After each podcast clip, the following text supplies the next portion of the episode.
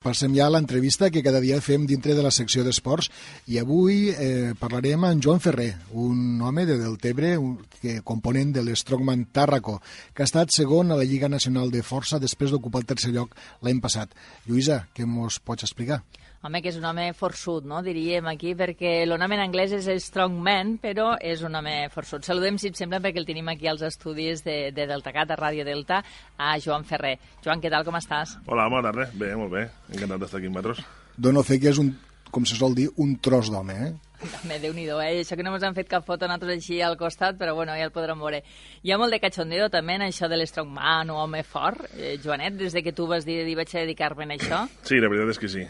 Eh, al principi no, perquè al principi quan dius a la família, als amics, va, doncs vaig a fer això, pues, vale, pues sí, pues ho fas. Però després, quan veuen que comences a competir, que després de dos anys i mig físicament ja comences a canviar, ja et comences a veure gros, ja comences a guanyar pes, llavors sí que comencen ja primer a, a prendre ser un més en sèrio i després a fer una mica més de cachondeo també. Sí, va tot una mica lligat. Com arribes tu a aquest esport, a la pràctica de l'strongman? Pues jo, bueno, aquí del Tebre vaig jugar a bàsquet molts anys, després me'n vaig anar a jugar fora, i quan vaig acabar de jugar a bàsquet, vaig estar un parell d'anys que pues, anava a entrenar però no jugava i buscava algun nivell competitiu. Llavors, per casualitat, vaig cap a, a un gimnàs a Tarragona on teníem material per a, per a practicar aquest esport i on havien competit allí en aquell gimnàs, havia gent que havia competit. I jo vaig, vaig arribar en aquell gimnàs per a baixar de pes, en aquell moment feia 145 quilos, i vaig dir, bueno, doncs vaig a baixar de pes i ja que estic aquí provaré l'esport este. I a les dues setmanes que estava allí li vaig dir al meu, al meu preparador i vaig dir, bueno, em he de fer per dedicar-me a això? i a partir de llavors, pues, a poc a poc, ja vaig anar, ja vaig anar pues, apuntant-me a competicions, seguir entrenant i anar fent. Te podem preguntar quan peses ara, en l'actualitat? Ara estic en 156 quilos i he baixat, ara he fet una baixada de, 100, de 167 a 156. Per tant, no vas baixar de pes, sinó que vas guanyar-lo. Vaig guanyar molt pes, sí. Uh -huh. Sí, però, per exemple, les mesures que tinc jo, ara... O sigui, m'hi havia molt més gros abans, en 148, que ara en 156. Llavors, diguéssim que he anat canviant lo, la grassa, l'excés de grassa per múscul, múscul. I, i, evidentment, de grassa sempre n'he de tindre, perquè, clar, dietes molt elevades i eh, l'Strongman és un esport que com més pes corporal tens, més t'ajuda. O sigui, és un, és un punt a favor el pes corporal. Llavors sempre busques un punt mig. I el meu, el meu punt va ser 167 aquesta temporada passada i ara en 156 perquè estic fora de temporada. Podríem dir que és un esport d'esto sacrificat perquè quan la, la gent pensem esport, és sacrifici.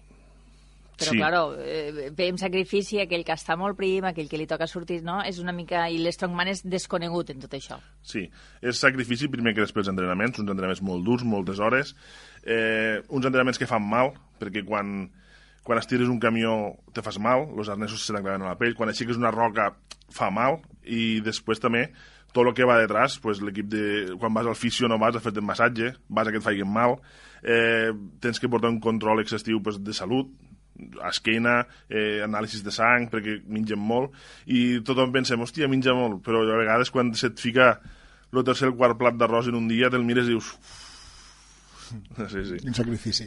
Escolta, estaves comentant un parell de, de proves. Eh, estirar camions i aixecar roques. Estirar camions, aixecar roques, aixecar troncs per damunt del cap, eh, boles redones, les, les boles que tots veiem a la tele, què sé jo, volcar cotxes, volcar pneumàtics de tractor grans, de 500, 600 quilos, 550, 450... Eh, tot el que implica una mica de força, agilitat, pues, depèn de l'organització del campionat, mos fem que unes proves unes altres. I quina és per a tu la més, la més complicada, la més difícil? Jo, clar, va per, també per, mm, per estat físic de cada atleta. Per exemple, jo, al, al pesar tant i ser alt i tindre els, els braços grossos, les proves d'agafar coses me van molt bé. Uh -huh. En canvi, les de córrer no. A un altre atleta que serà, potser pesarà 120 quilos, però anirà millor córrer que a mi. Llavors, per a mi, una de les més, diguéssim, fàcils, entre cometes, i les que més m'agrada és estirar un camió. Se'm dona molt bé i de veritat és que sempre que competixo sempre estic en aquestes primeres estirades de camió. I les que pitjor, quan he d'agafar, que sé, un sac de 100 quilos, carregar-me al coll, córrer 50 metres, deixar-lo, tornar corrents, agafar una altra cosa, i tinc, i tinc que fer més, diguéssim, cardio o córrer o proves així més dinàmiques. Uh -huh. Perquè la, la valoració és a través de diferents eh, proves, la, valor, la puntuació final, com si diguéssim? Sí, normalment els campionats són cinc proves i va a puntuació. Eh, hi ha un temps, i per exemple el camió, pues, qui el tira menys temps. i n'hi ha que van a pes màxim, qui aixeca més pes, depèn de la prova. Van a punts i qui, qui fa més punts guanya el campionat. Quin pes màxim has arribat a aixecar? Hi ha moltes modalitats d'aixecar pes, però, per exemple, mm, ara, el 31 de març, vaig a una competició a Barcelona només de pes mort, que és agafar una barra d'enterra i aixecar-la per damunt dels ginolls, hasta ficar-te l'esquina recta, i intentaré arribar als 300 quilos. Un camió n'he tirat de 32.000 quilos. Per damunt del cap he aixecat 140 quilos un tronc depèn de la modalitat, doncs aixequen uns quilos o, o uns altres. Joan, i cada any te planteges anar sumant perquè, bueno, si, si mirem pels resultats has d'anar creixent. Sí, hi ha una preparació prèvia, per exemple, ara estem preparant el que és tota la temporada en, en el meu preparador i estem mirant a quines competicions me puc apuntar, a quines no, i llavors pues, sempre fas un planning no, d'intentar, pues, bueno, pues, anem a superar això, anem a superar allò. Encara que és una mica difícil perquè aquest esport vas a una competició, per exemple, que girar un pneumàtic a mi se'm dona bé, i aquella competició, perquè que el pneumàtic relliça, i has perdut la prova. Llavors és una mica també així a, a lo que surti. Eh? I proves que a vegades creus que no et sortiran bé, pel que sigui que aquell dia et surten bé i millor. I llavors sí que preparem una mica lo, que els campionats estiguin espaciats entre si, que no es vagin molt junts, i llavors també una mica el nivell. A la Lliga de Força de l'any passat vas quedar tercer, enguany segon, eh, l'any que ve primer, no? Enguany, no? Enguany, ho havia de dir sí, així, perquè és 2017, 2018... 2017 quedo tercer en el meu debut, l'any passat quedo segon i són quatre campionats i el millor dels quatre campionats. Vaig quedar segon i l última prova de, de l'últim campionat encara tenia opcions de quedar primer, però va quedar primer un noi que es diu Roberto Rodríguez, que és gallego, que és una màquina, i aquest any, pues, a veure què passa. Uh -huh. A veure què passa. Estem allí, allí. Ante, ante feu els campionats, se concentren només a Catalunya, aneu a nivell estatal? Perquè, clar, per exemple, aquí a les Terres de l'Ebre, a banda de l'home fort de la Ribera, no, no conec molt, molts concursos més sobre este... L'home fort de la Ribera vaig, va ser el meu debut de la competició, vaig quedar tercer, eh, feia dos mesos que entrenava, i m'han dit, va, presenta, i vaig dir, va, pues va, me presento. Però llavors, diguéssim que ara ja fa dos anys que no me, no me presento pel, pel nivell Llavors, clar, ara jo diguéssim que he passat a un, a un nivell professional i ja no em deixen competir. I a Lliga Nacional de Força són quatre campionats repartits per tota Espanya. Uh, van buscant los, o sigui, los, los pobles i les ciutats que vulguin fer la Lliga, truquen al president i anem a competir allí on, on ens diguen. Pues Zamora, hem anat a Sevilla, Madrid, mm, per l'Aragó també hem estat. Aquest any se vol anar a, aquí a Catalunya, volen anar, crec que és a Girona o per allí.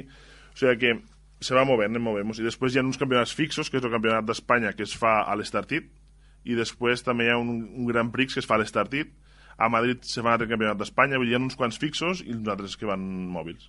Hi ha cobertura mediàtica, és a dir, això es retransmet per les televisions? O... La Lliga Nacional de Força se retransmet per, aquest any per Gol TV, eh, crec que el diari Marca també porta porta les notícies, eh, Libertat Digital i uns quantes cadenes sí que, que compren els drets i ho retransmeten. O sigui que des de casa, eh, quan comenci aquest campionat, podem, podem seguir-te?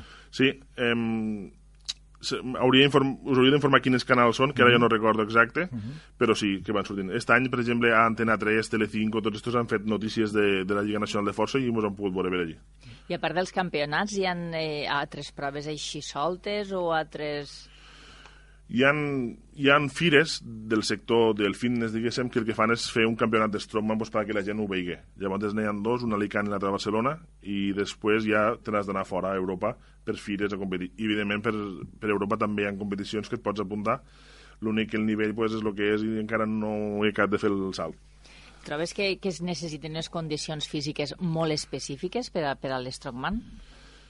Per a practicar-lo a nivell, diguéssim, de, de que t'agrada l'esport i vols superar-te i vols fer força, qualsevol persona lo pot fer. Per exemple, gent entreno jo i hi ha gent de, de moltes varietat física que fa això.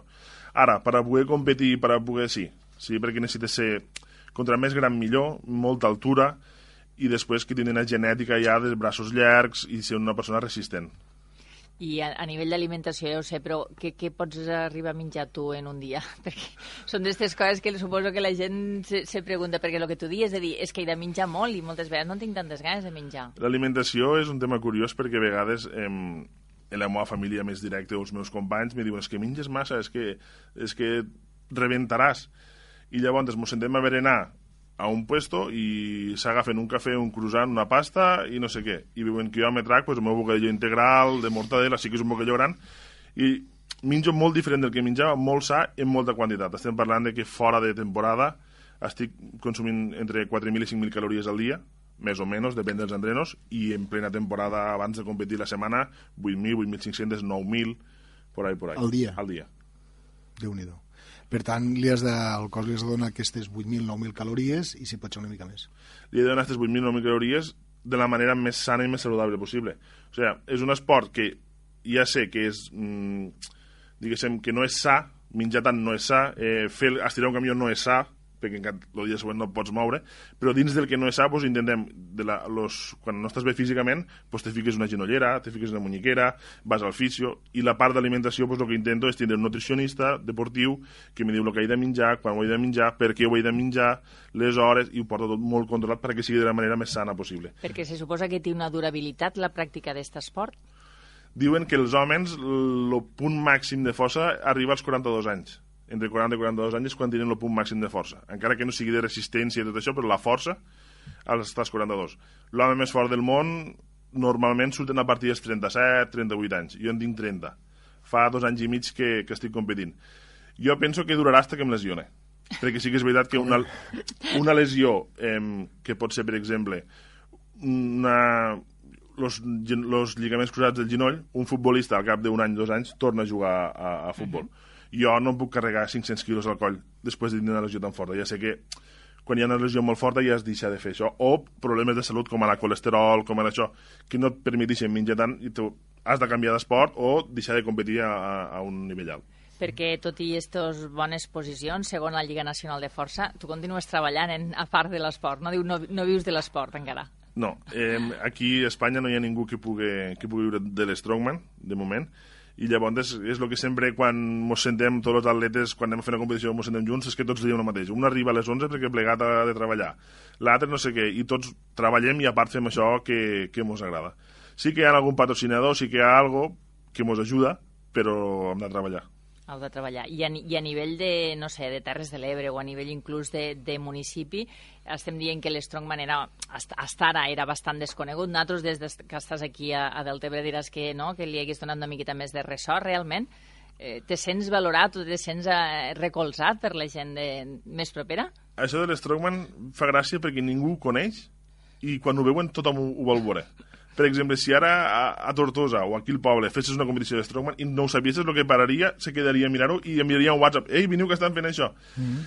Llavors, eh, és molt bonic de veure i allà entenem. O sigui, a l'hora que comença la competició són pocs i després, a mesura que la gent passa, se va quedant i, i s'ho van dient a nivell d'aquí al poble, quan jo vaig començar encara no sabia ningú. Ara que he anat fent cosetes i d'això, doncs, l'apoyo ha sigut total. Jo total. justament li, te comentava abans això de quins mitjans ho poden seguir, perquè les poques vegades que he tingut la sort de fent zapping agafar algun, algun uh, retransmissió d'aquestes proves són tan impressionants que et quedes, uh, te quedes allí parat i, i, i les vas seguint, no? Sí, sí, ho veuen i la gent no els agrada. I et dic, aquí al poble m'agradaria portar-ho, de fet, ja hi ha converses de portar alguna competició ni que sigui a nivell local per a, per a començar a moure això i si poden vindre a nivell nacional, pues millor. Joan, alguna recomanació, algú que ens hagi sentit i ara de dir que ara jo voldria ser strongman o strongwoman, perquè suposo que també n'hi ha... També hi ha strongwoman a Espanya, també. A nivell, nacional, a nivell internacional moltes més, però a Espanya també també n'hi ha. Alguna recomanació? Alguna recomanació? Que mengen molt, eh, que es busquen un bon preparador i, i assistència, perquè sí que eh, molta gent que ara ho veu intenta imitar-nos i jo us dic, ojo, que us podeu fer molt de mal, pareix que no. I no res, eh, entrenar molt dur, menjar, descansar molt i portar, bueno, eh, jo tinc a Instagram, vaig pujant tot el que faig dia a dia, més o menys, entrenos i tot això, i, bueno, si em volen seguir a Instagram, pues allí me poden parlar també i per, perfecte, doncs t'anirem seguint a través de les xarxes socials, Facebook i Instagram. Joan, moltíssimes gràcies i res, que surti molt bé la temporada, ja en farem balanç. Moltes gràcies. Gràcies i bona tarda.